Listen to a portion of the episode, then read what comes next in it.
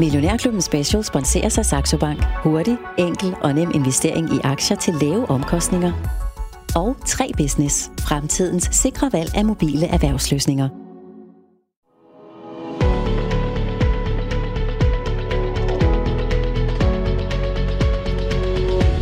Velkommen til Millionærklubben Special med Bodil Johanne Gansel.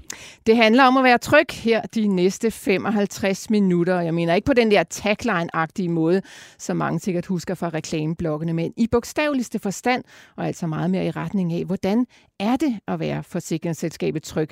Og ingen kan være bedre til at gøre os klogere på den sag end selskabets topchef Morten Hyppe. Godmorgen og velkommen til dig, Morten. Tusind tak. Dejligt, at du vil besøge os her i studiet i dag. Jeg ved ikke, bruger I overhovedet den her berømte tagline mere? Ja, vi bruger noget, der er meget tæt på. Vi har faktisk et uh, purpose for hele tryk, der siger, i en verden, der forandrer sig, gør vi det enklere at være tryg. Ja. Så det ligger meget tæt op af, og det er jo en del af DNA, vi kommer fra i den her fantastiske familie. Jamen det kan være, at jeg måske også bare er meget præget. Jeg har jo selv arbejdet hos Præcis. Tryg, og der talte vi rigtig meget om det der med, at det handler om at være tryg, og at være tryghedsleverandør. Det hører jeg så heller ikke sige mere. Nej, altså jeg ved ikke, om leverandør er det bedste ord. Mm. Men vi er jo en del af den her fantastiske familie, hvor vi har det store børsnoterede forsikringsselskab med 5,5 millioner kunder på den ene side, og så har vi jo Trygfonden og Tryghedsgruppen, som giver halvanden milliard tilbage til samfundet og prøver at skabe tryghed for danskerne. Så tryghed ligger meget, meget tæt på vores DNA, øh, og noget af det, der gør medarbejderne stolte og motiverede hver dag. Mm. Og i hvert fald er det en tagline, som på en eller anden måde sidder fast. Jeg er sikker på, at hvis jeg spørger 9 ud af 10 mennesker derude i samfundet, og siger, at det handler om, og så vil den sådan dukke, dukke op, den der at være tryg. Altså den. Ja. ligger meget sådan, der er selvfølgelig et andet forsikringsselskab, der måske havde en anden en, som var endnu bedre, som også er en del af jeres familie nu. Ring nu, mens du har gejsten. Hvad er nummeret, Morten? 12, 14, 16 Ah, til sidst. 70, Ja, 12, 14. 12, 14, 16, Sådan, præcis. du kan det. Alka, som jo altså er en del af jeres familie nu. Lige her i dag, så skal det altså ikke handle specielt meget om, hvad det handler om for jeres kunder, men meget mere om, hvad det handler om for jer. Så lad os se at komme i gang. Morten Hyppe, I er Danmarks største skadeforsikringsselskab, det andet største i Norden. I er i øh, Danmark, Norge og Sverige. Hvis du lige sådan skal tegne de store linjer om jeres selskab, hvad er historien så? Jamen, historien er jo, at vi er et 300 år gammelt selskab i Danmark, der startede med de store brænde i København. Og så fandt man ud af, at man skulle hjælpe hinanden, og de stærke skuldre skulle hjælpe, når nogen blev ramt øh, uheldigt.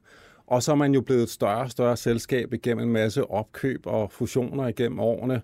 Men i slutningen af 90'erne var man en del af den fusion, der blev til øh, Nordea. Mm-hmm. Og så i 2002, da jeg startede i Tryg, øh, der blev man købt ud af Nordea igen og tilbage til Tryghedsgruppen øh, for 5 milliarder kroner cirka. Og så har der været en rejse frem til i dag, hvor Alka blev en del af familien i 2018, og Kodan Tryg Hansa i Sverige og Norge blev en del af familien her i, i 2001. Og rejsen frem til, at vi i dag har en børsværdi på 100 milliarder kroner. Så, så det har været en øh, lang rejse og et fantastisk selskab, som jeg er utrolig stolt over at være en del af. Og øh, du har jo været med i en del år, Morten. Du var faktisk også med, selvfølgelig inden du blev øh, CEO, der var du også øh, CFO. Ja. Øhm, hvornår startede du egentlig som i selskabet sådan helt oprindeligt? Jamen, jeg startede i 2002, øh, og det gjorde jeg ved at Tryg købte øh, Zürich Forsikring i Danmark og Norge. Og jeg havde vel egentlig forestillet mig, at jeg skulle til Schweiz og arbejde videre for, for Zürich Forsikring, men øh, Stine Bosse foreslog, at jeg skulle til Tryg og arbejde i stedet for. Jeg havde ellers været til jobinterview i Schweiz, jeg havde forelsket mig i lejlighed og den lave skatteprocent, men øh, jeg synes jo, projektet i Tryg øh, og Stine som person var fantastisk spændende at have med at gøre, og var utrolig glad for, at jeg startede. Og det var jo fra en lille lokal nordisk selskab, som jeg var i Zürich, til en stor dansk spiller primært dengang, øh, som så blev nordisk. Mm. Så det var en kæmpe omvæltning for mig, og vanvittigt spændende. Så 2002 kom du til selskabet, så sad du altså der ind til 2011, før du fik lov til sådan at stige op på den øh, øverste trone, hvor du blev CEO. Øh, Bare lige for at runde den der historiefortælling af, Morten. Ved I egentlig, hvor navnet Tryg starter fra? Øh, ved vi, hvor navnet Tryg starter fra? Det er et godt navn. Det er ja, godt det er et super på. godt navn. Mm. Altså, jeg ved, at det var jo Københavns brand og det københavnske Mm. brænde, det startede med, og så blev det jo til tryk på et tidspunkt. Men nej, det kan være, at du kan historien Nej, endnu det bedre end mig. egentlig ikke. Jeg kunne bare helt tilbage, kunne jeg se, i 1898, øh, der blev øh, livsforsikringsselskabet Tryg AS altså startet. Så det, altså, det, Ja, det har jo det er fast i virkelig mange år, ikke? Nå.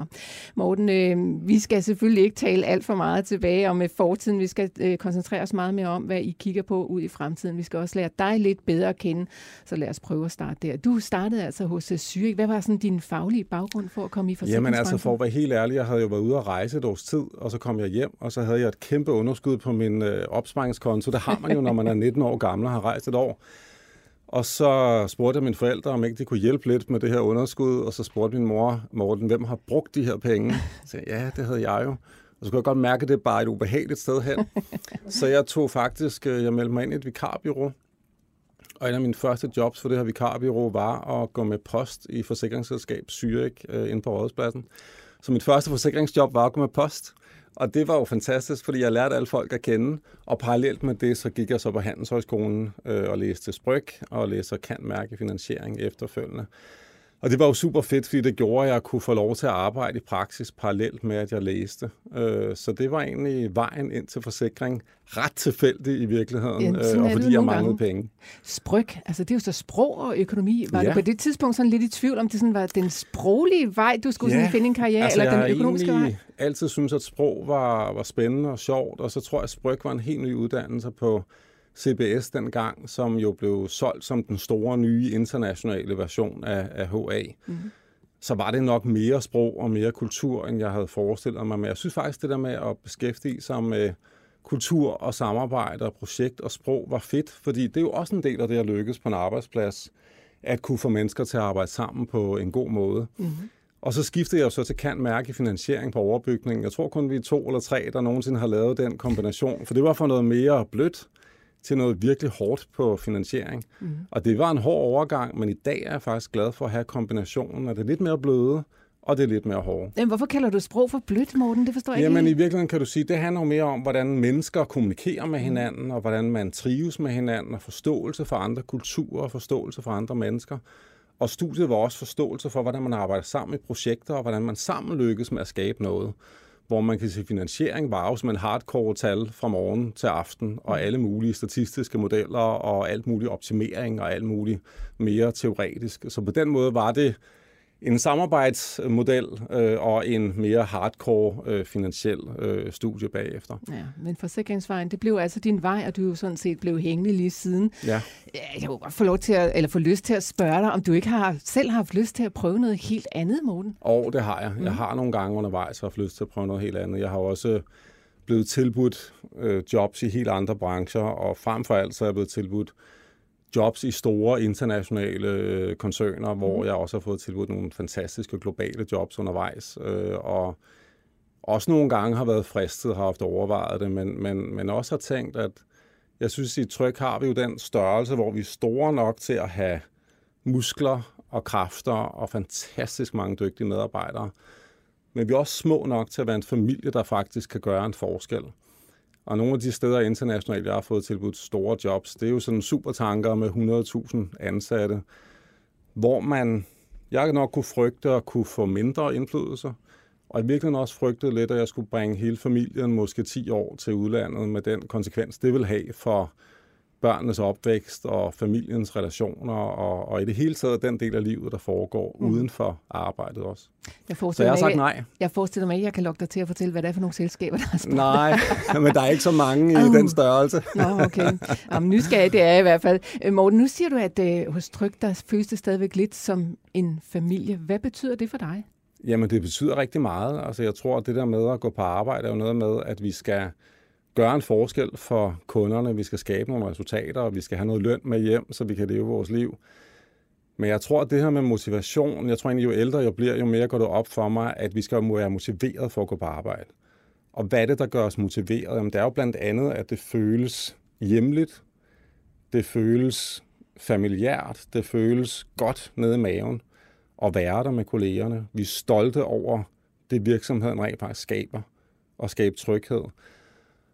Og så føler vi, at der er en størrelse, hvor man kan få lov til at folde sig ud.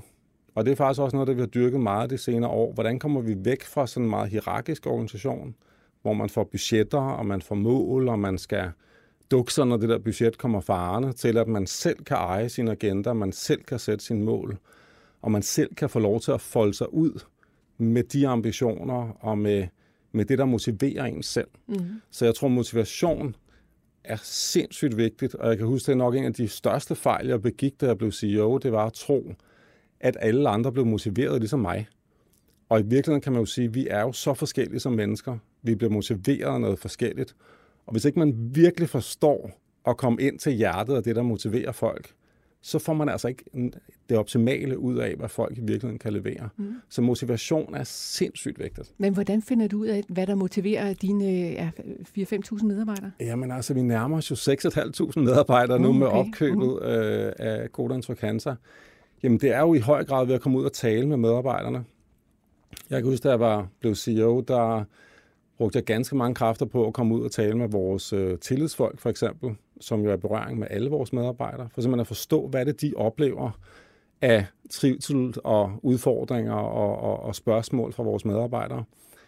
Kørte rundt med flere af vores øh, sælgere, både i, i Danmark og Norge, for simpelthen at forstå, hvad er det for en situation, der er ude hos kunden.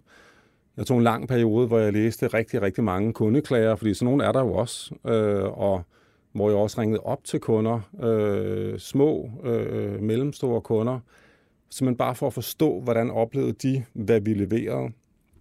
Så i det hele taget sådan at komme væk fra elfenbenstårnet og komme hen til der, hvor medarbejderne er, hvor kunderne er, og forstå, hvad er det, der, der rører sig øh, i, i virkeligheden. Så øh, i morgen skal jeg en tur til Aarhus. Der har vi rekorduge i vores kundefront. Dem, der sidder og taler med kunderne i telefonerne. Og så kommer jeg rundt med lidt, lidt snacks og lidt øh, drikkevarer lidt til dem. Tager du nogle telefoner til? Ja, men altså, det kan jeg godt finde på. Men, øh, men mest af alt handler det virkelig om at forstå, mm. hvordan går det? Og så være med til at opmuntre og give noget gejst. Mm. Så motivation fylder virkelig meget. Mm. Men samtidig vel også øh, lidt af en hurdle at sidde med din hat på, og sidde på din stol, og sidde i dit elfenbenstårn, fordi det er jo klart, når du kommer ud og besøger de der medarbejdere, så er der lidt øh, måske øh, større smil på læben, end der vil være, ja. hvis det var kollegerne, de talte med. Det er klart, særligt i starten kan man jo godt opleve, at man får nok den politisk korrekte version, når man kommer mm. ud. Ikke? Men jeg synes egentlig, jo flere gange man kommer, øh, jo mere falder skuldrene, og så har vi jo gjort en masse for at tage sådan lidt fis på os selv. Vi havde en øh, konkurrence engang, hvor øh, en af organisationerne var, havde et mål om, at hvis de, de skulle sælge rigtig meget mere, og deres leder sagde så, at hvis de kunne sælge det dobbelte, så ville han komme i dametøj til seneste fejring og næste fejring. Luksus. Og så skulle jeg med, og synes faktisk, det var synd for ham, han skulle være alene, så jeg kom også i dametøj. Og så kom vi der begge to i dametøj og, og dragget ud. Og det var jo sådan et, et sted og et forsøg på ikke at tage sig selv alt for højtidligt, og sørge for, at der bare var en god og sjov og, og fin stemning.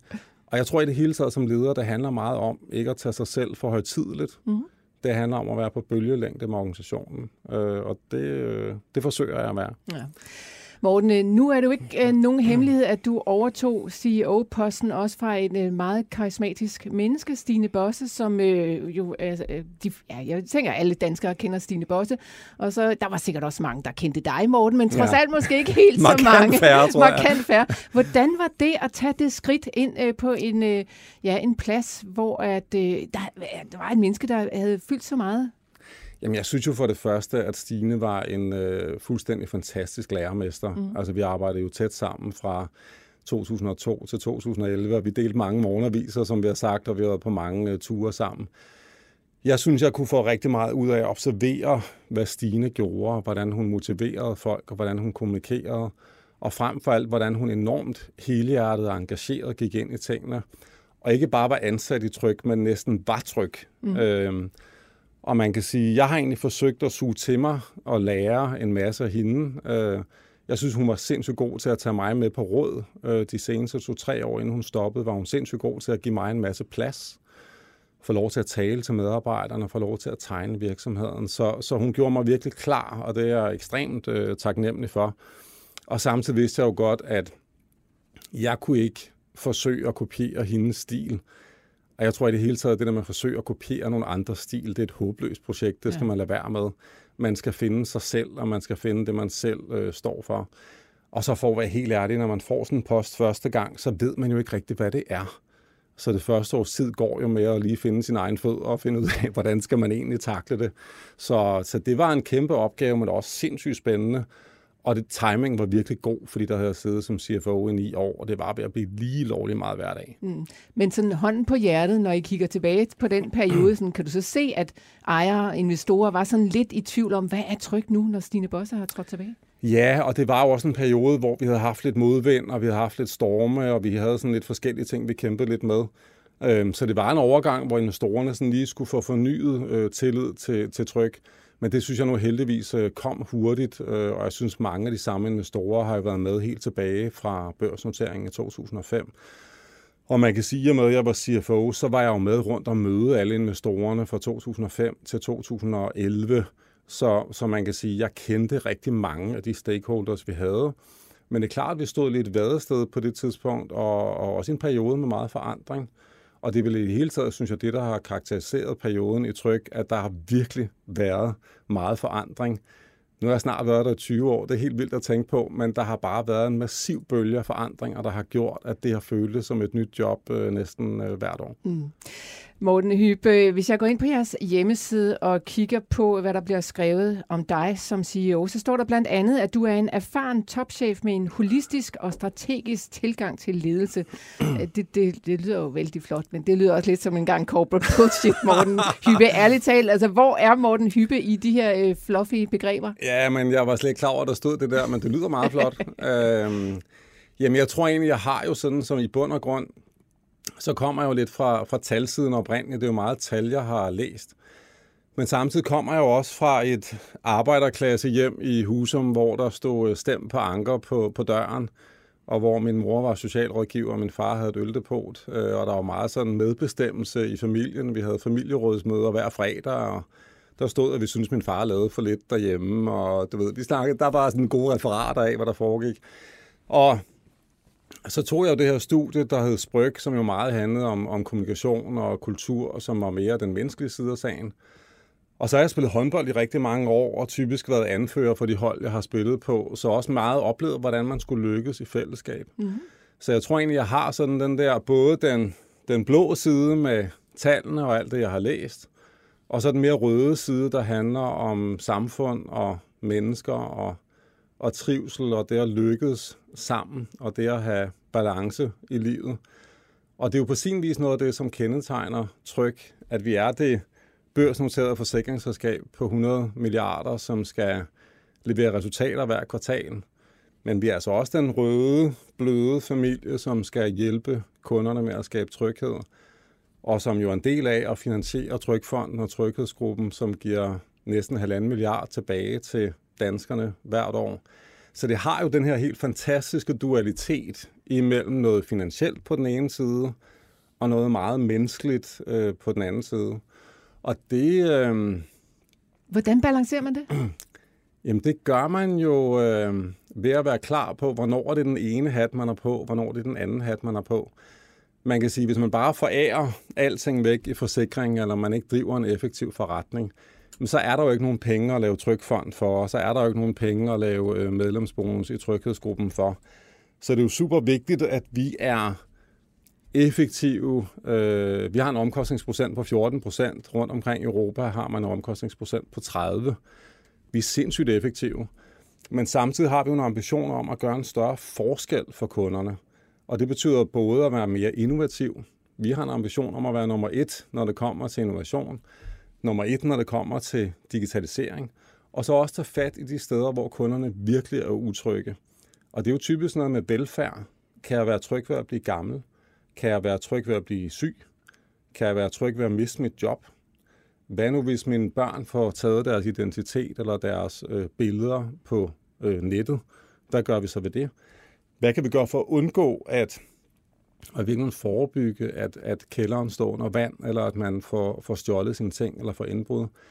Så det her med at være i virkeligheden, kan du sige, drive forretningen, være effektiv, men gøre det på en måde, hvor vi spiller en større og større rolle i kundernes liv.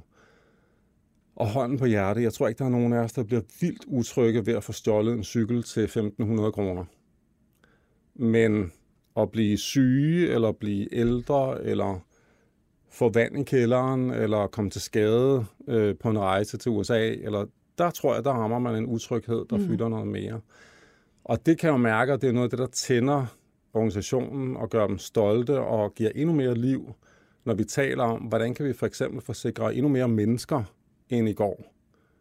Så ikke bare bilkabulerne, men faktisk mennesker. Og hvordan kan vi forsikre det, som ligger hjertet virkelig nært for vores øh, kunder. Og vi ser jo de seneste par år, et af de produkter, der har vokset suverænt mest, det er et nyt produkt som børneforsikring. Hvordan forsikrer vi det kæreste i vores liv, altså vores børn? Det er jo virkelig noget, der rykker noget. Øh, vi arbejder på en række nye produkter, hvor vi kan forsikre ældre, så de kan blive deres hjem noget længere og få noget mere hjælp. Cyberforsikringer vil for alvor komme ud over rampen og den største kriminalitetsform, øh, der stiger allermest.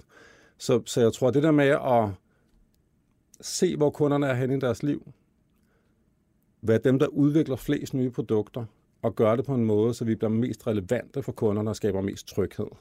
Det er en fed rejse. Men Morten Hyppe, det lyder alt sammen virkelig, virkelig dejligt. Jeg bliver helt varm om hjertet, jeg står talt her. Men at the, at the end of the day, som Milton Friedman siger, så er the business of the business the business. Altså, ja, der ja. skal jo, det handler vel ret beset om, I eksisterer vel for at tjene penge til jeres ejere? Jamen, vi eksisterer jo for at øh, have en forretning, der er relevant og skaber nogle gode resultater. Og jeg tror, forudsætningen for at gøre det, er jo, at man rammer et behov hos kunderne. Øh, vi havde en lang periode, hvor vi faktisk lykkedes med at tjene penge på bundlinjen, men hvor vores toplinje var helt flad og faktisk i perioder faldt. Og man kan sige, der er jo ikke mange medarbejdere eller aktionærer, der på den helt lange bane bliver motiveret af at være et sted, der lige bliver lidt mindre end i går hele tiden. Så, så det der med at finde ud af, hvordan kan vi både være effektive, konkurrencedygtige, gode til at tjene penge og skabe en vækst, der gjorde forretningen større og stærkere og mere relevant for kunderne. Det kæmpede vi faktisk med en del år at gøre det. Og vi har investeret massivt meget mere i vores innovationsmiljøer. Ansat en masse folk fra, fra Telco og andre abonnementsforretninger, og ansat en masse øh, konsulenter fra McKinsey og Boston Consulting. Vi har lavet store agile udviklingsteams. Øh, Øh, vi bruger jo på en gennemsnitsdag nu, er der tusind folk, der arbejder på vores IT-systemer. Altså at udvikle dem og drifte dem. Øhm, så det der med at finde ud af, hvordan kunne vi komme fra nulvækst eller minus 2% vækst til i dag, der vokser vores privatforretning i Danmark og Norge, vokser 8-9% øh, om året. Og det er jo sket ved, hvis man gør markedet større, skaber nye produkter og følger kunderne. Så på den måde kan du sige, at der ikke er et modsætningsforhold imellem at skulle tjene penge og skulle hjælpe kunderne. Faktisk, jo mere vi kan nytænke og hjælpe kunderne, jo større gør vi markedet, jo større en forskel gør vi hos kunderne, og jo flere penge tjener vi. Mm. Så det går hånd i hånd. Du lytter til Millionærklubben Special. Jeg har i dag besøg af Morten Hyppe fra Tryk. Jeg hedder Bodil Johanne Gansler. Jeg skal lige nævne for jer, det er altså en optaget øh, udsendelse der, så du kan desværre ikke stille spørgsmål ind til os i dag. Men altså lyt gerne med. Her er altså meget mere om Morten, Morten Hyppe og Tryk. Millionærklubben Special sponserer sig Saxo Bank. Hurtig, enkel og nem investering i aktier til lave omkostninger og 3 Business. Fremtidens sikre valg af mobile erhvervsløsninger.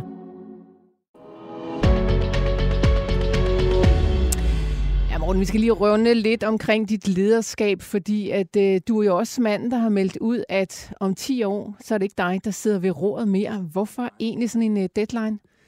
Jamen altså, jeg tror egentlig heller ikke, jeg gav en deadline. Jeg tror, jeg havde et interview øh, for et års tid siden, hvor nogen spurgte, hvordan ser det så ud om 10 år?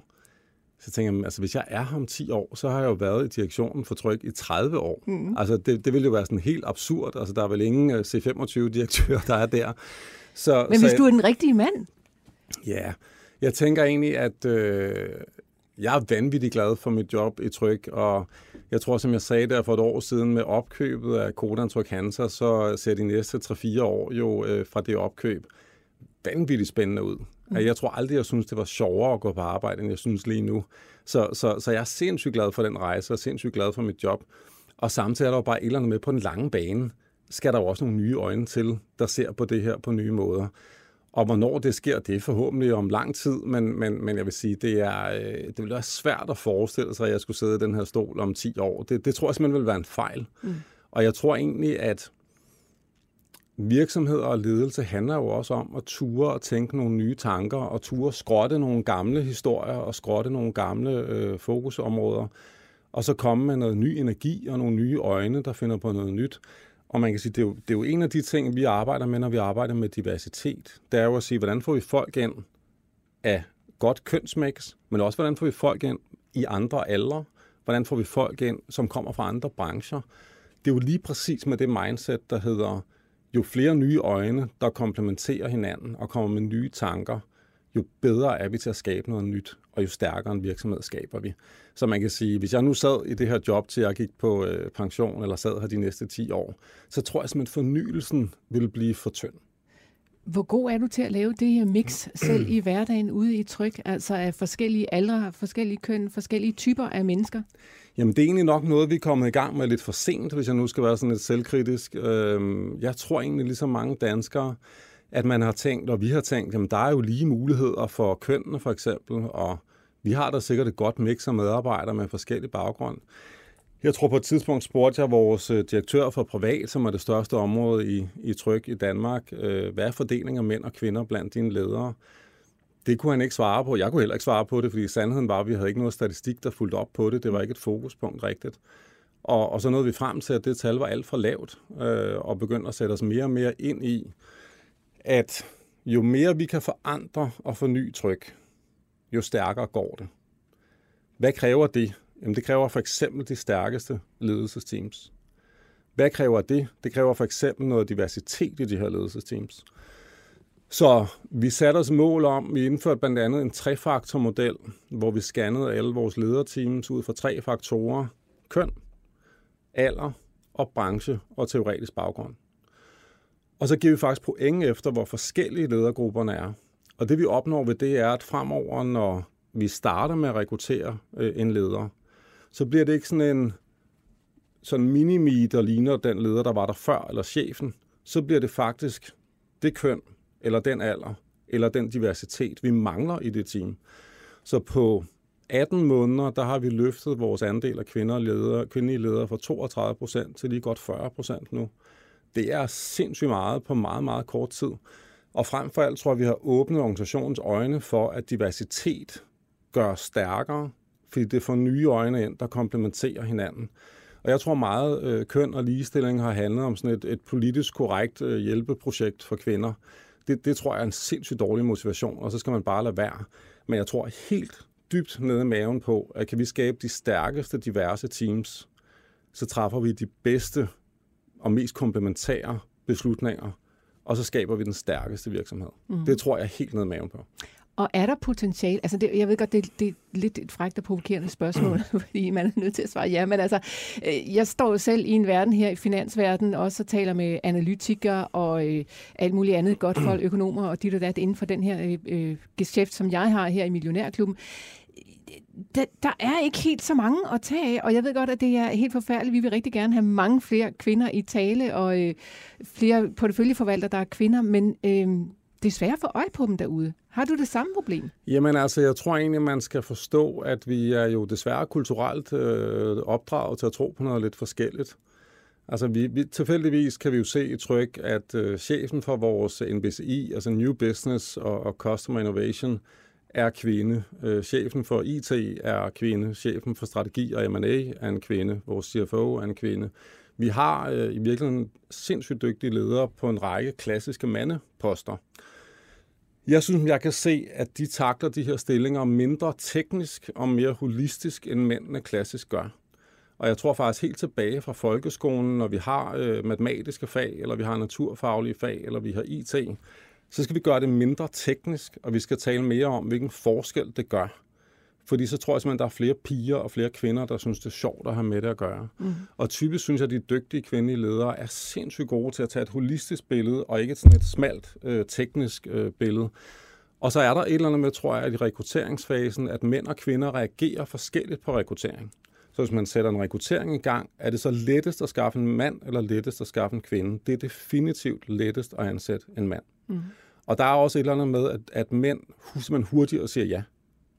Og vi kan se, at, at de dygtige kvindelige ledere, vi ansætter, de gør mere due diligence. De siger nej flere gange, de overvejer det flere gange. De er simpelthen grundigere i den proces. Så det er en anden rekrutteringsproces, der skal til for at rekruttere kvinder. Jeg synes, vores erfaring er, at der er et hav af sindssygt dygtige kvinder, vi kan ansætte. Og går vi ned og kigger på studierne, så er der jo faktisk efterhånden en overvægt af kvinder.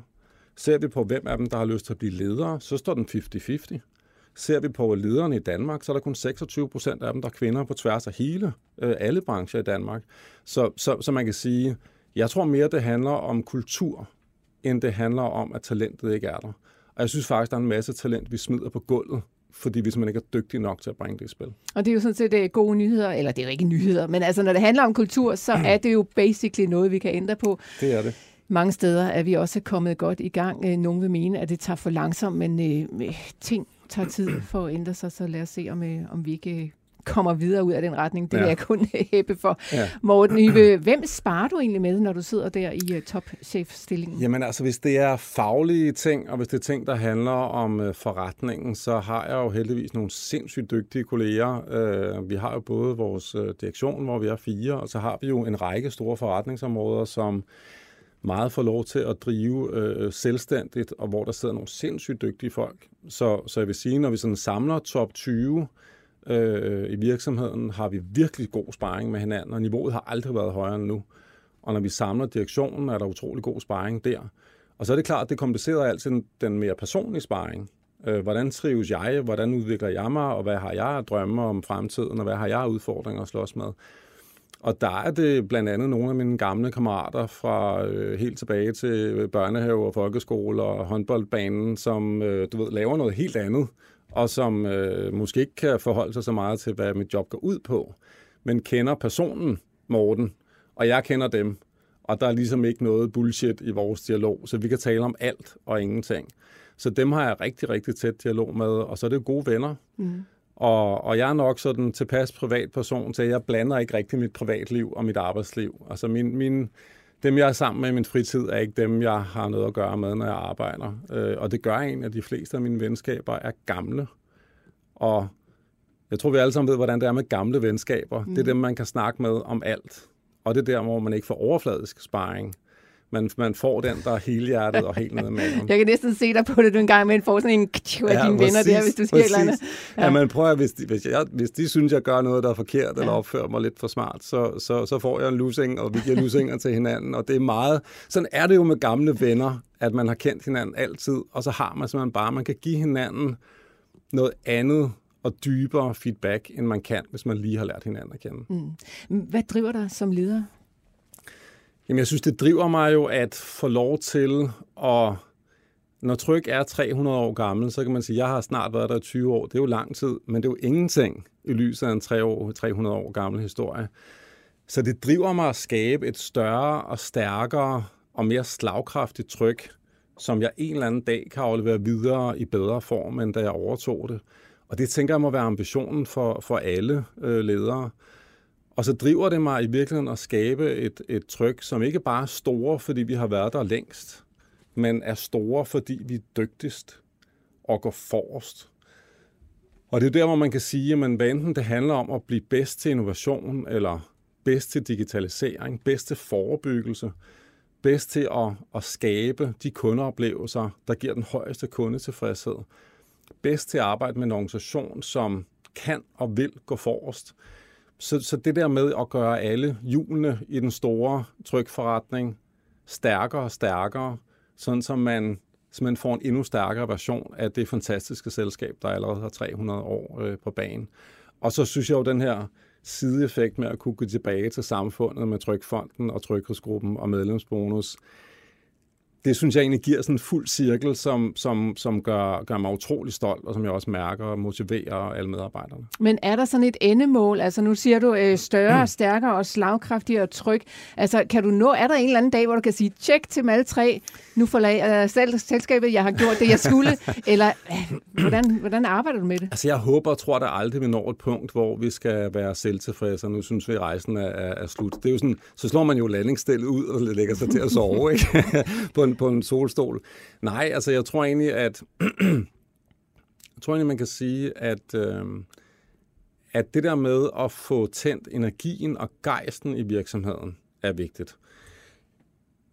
I mange år voksede vi ikke, men vi tjente gode penge. Så der var et delmål at bevise, at man kunne vokse toplinjen og vokse bundlinjen samtidig. Det var et stort delmål. Jeg synes, da vi tog Alka ind i familien i 2018, og nu i 2021 tager, tager Codan Tryk Hansa i Norge og Sverige ind, så bliver vi det største forsikringsselskab i Skandinavien. Og det synes jeg også er en milepæl, som, som, som virkelig gør en forskel. For der er ingen tvivl om, det gør, at vi kan investere markant mere, og det gør, at vi har langt flere kræfter til at udvikle en endnu stærkere forretning. Så nej, der er ikke noget slutmål, men, men størst i Skandinavien, synes jeg, der øh, gør en, en forskel. Og jeg vil sige, at vi har aldrig haft en stærkere organisation, end vi har nu. Og det gør mig utrolig glad. Mm. Som du var inde på tidligere i udsendelsen, Morten Hybe, så sagde du, at jeres formål er, i en verden, der forandrer sig, så gør vi det enklere at være tryg. Man kunne måske også, hvis man skal være lidt fræk, prøve at vente den om og sige, at I lever jo sådan set af, at folk de føler sig utrygge. Altså måske kan man, altså du ved, hvis der bliver rykket lidt til den der med, at folk de render rundt og føler sig utrygge derude, ja. så er der kroner ja, på bundlinjen. Hvordan har du med det?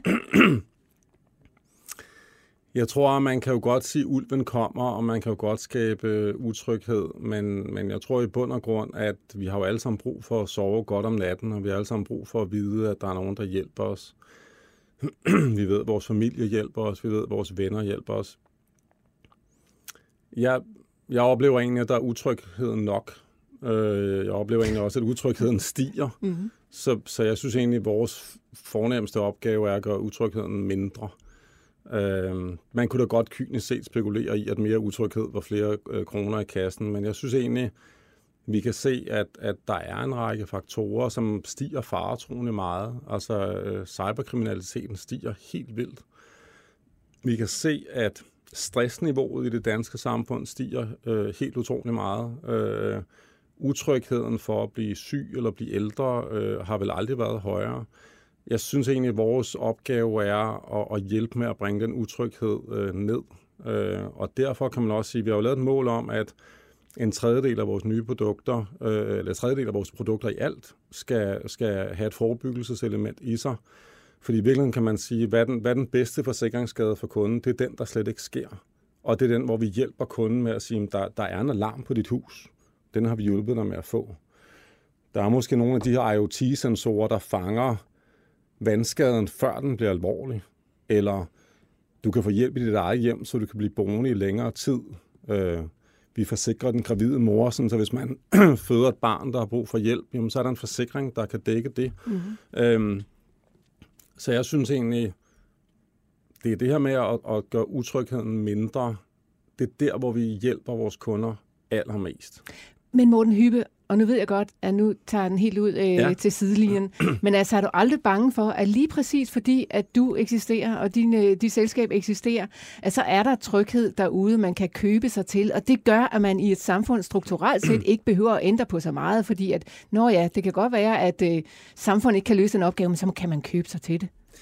Jo, men det er klart, der er, der er jo en helt klart en diskussion om, hvad er det, øh, staten skal sørge for, og mm. hvad mhm. er det, private skal sørge for. Altså jeg tænker for eksempel i forhold til offentlig velfærd, eller velfærd i det hele taget, at drømmescenariet er jo, at vi alle sammen kan få al den hjælp, vi har brug for fra det offentlige, og det offentlige løste den opgave 100%.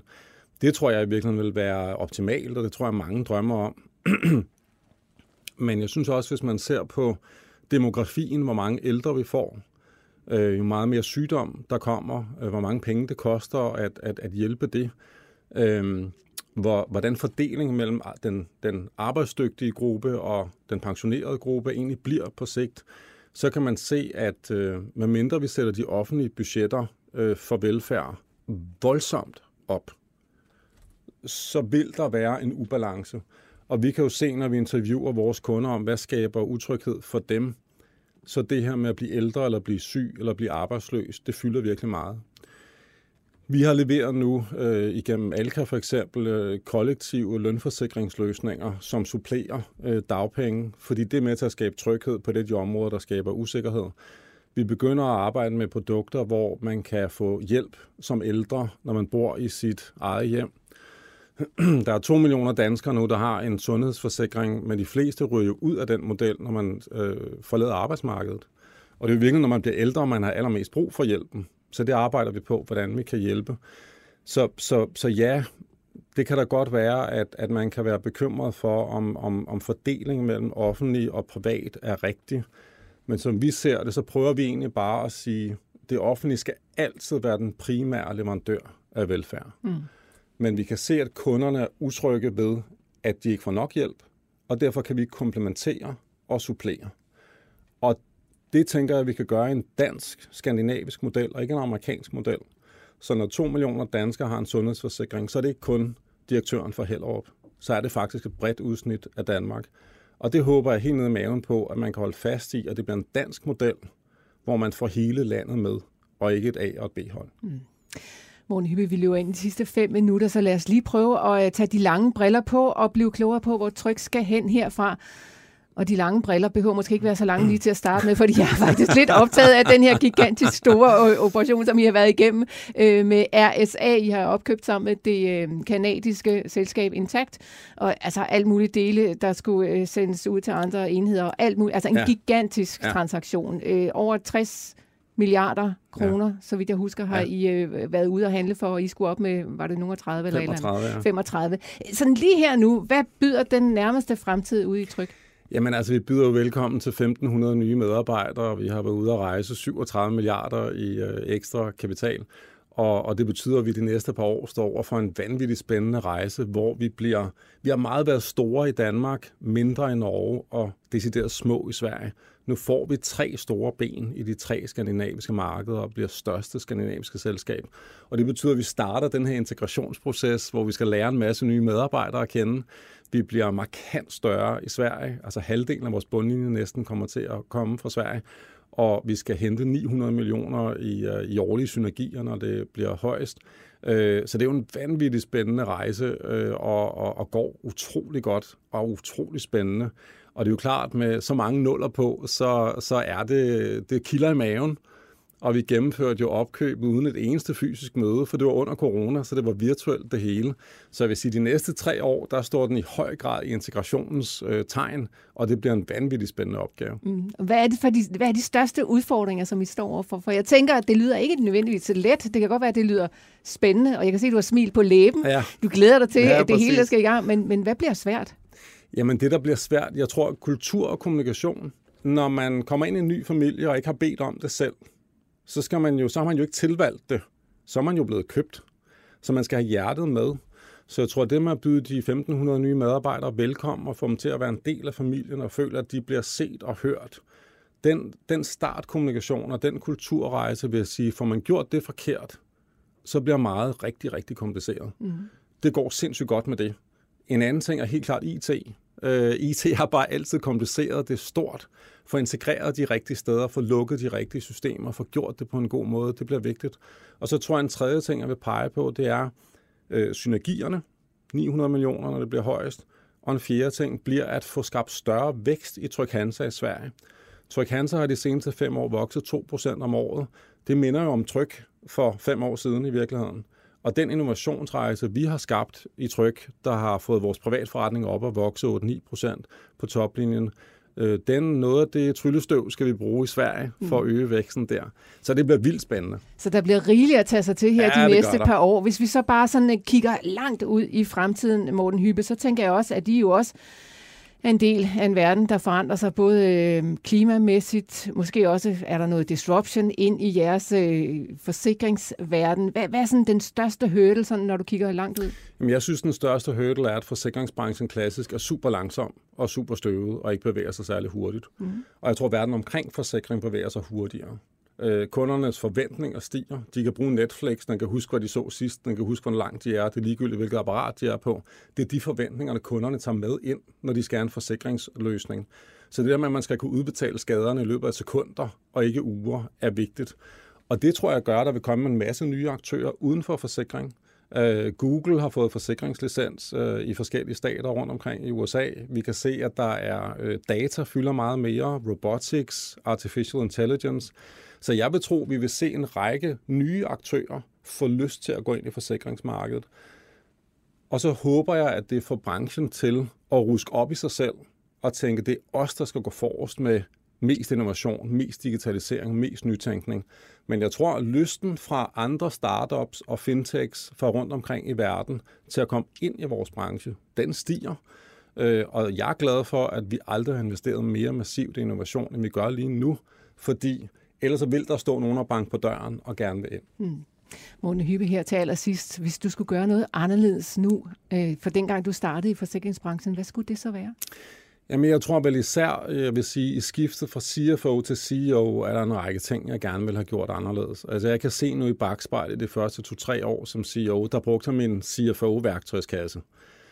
Og i virkeligheden ville jeg gerne i bagspejlet have været modig og på et tidligere tidspunkt. Så de satsninger, vi har lavet de sidste 3-4 år på digitalisering, innovation, diverse teams, tage folk fra andre brancher, tage folk fra consulting, investere massivt i produktudvikling, investere massivt i IT, det kan jeg se har bragt virksomheden op i et helt andet gear.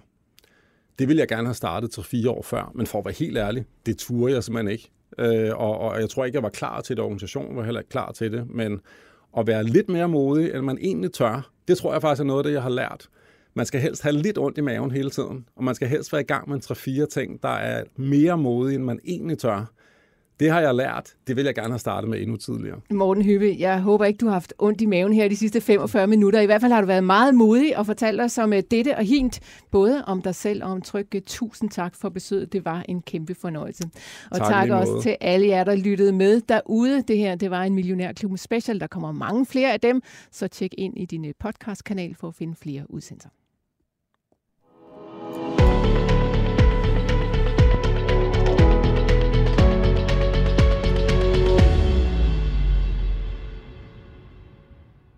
Millionærklubben Special sponserer sig Saxo Bank. Hurtig, enkel og nem investering i aktier til lave omkostninger. Og 3 Business. Fremtidens sikre valg af mobile erhvervsløsninger.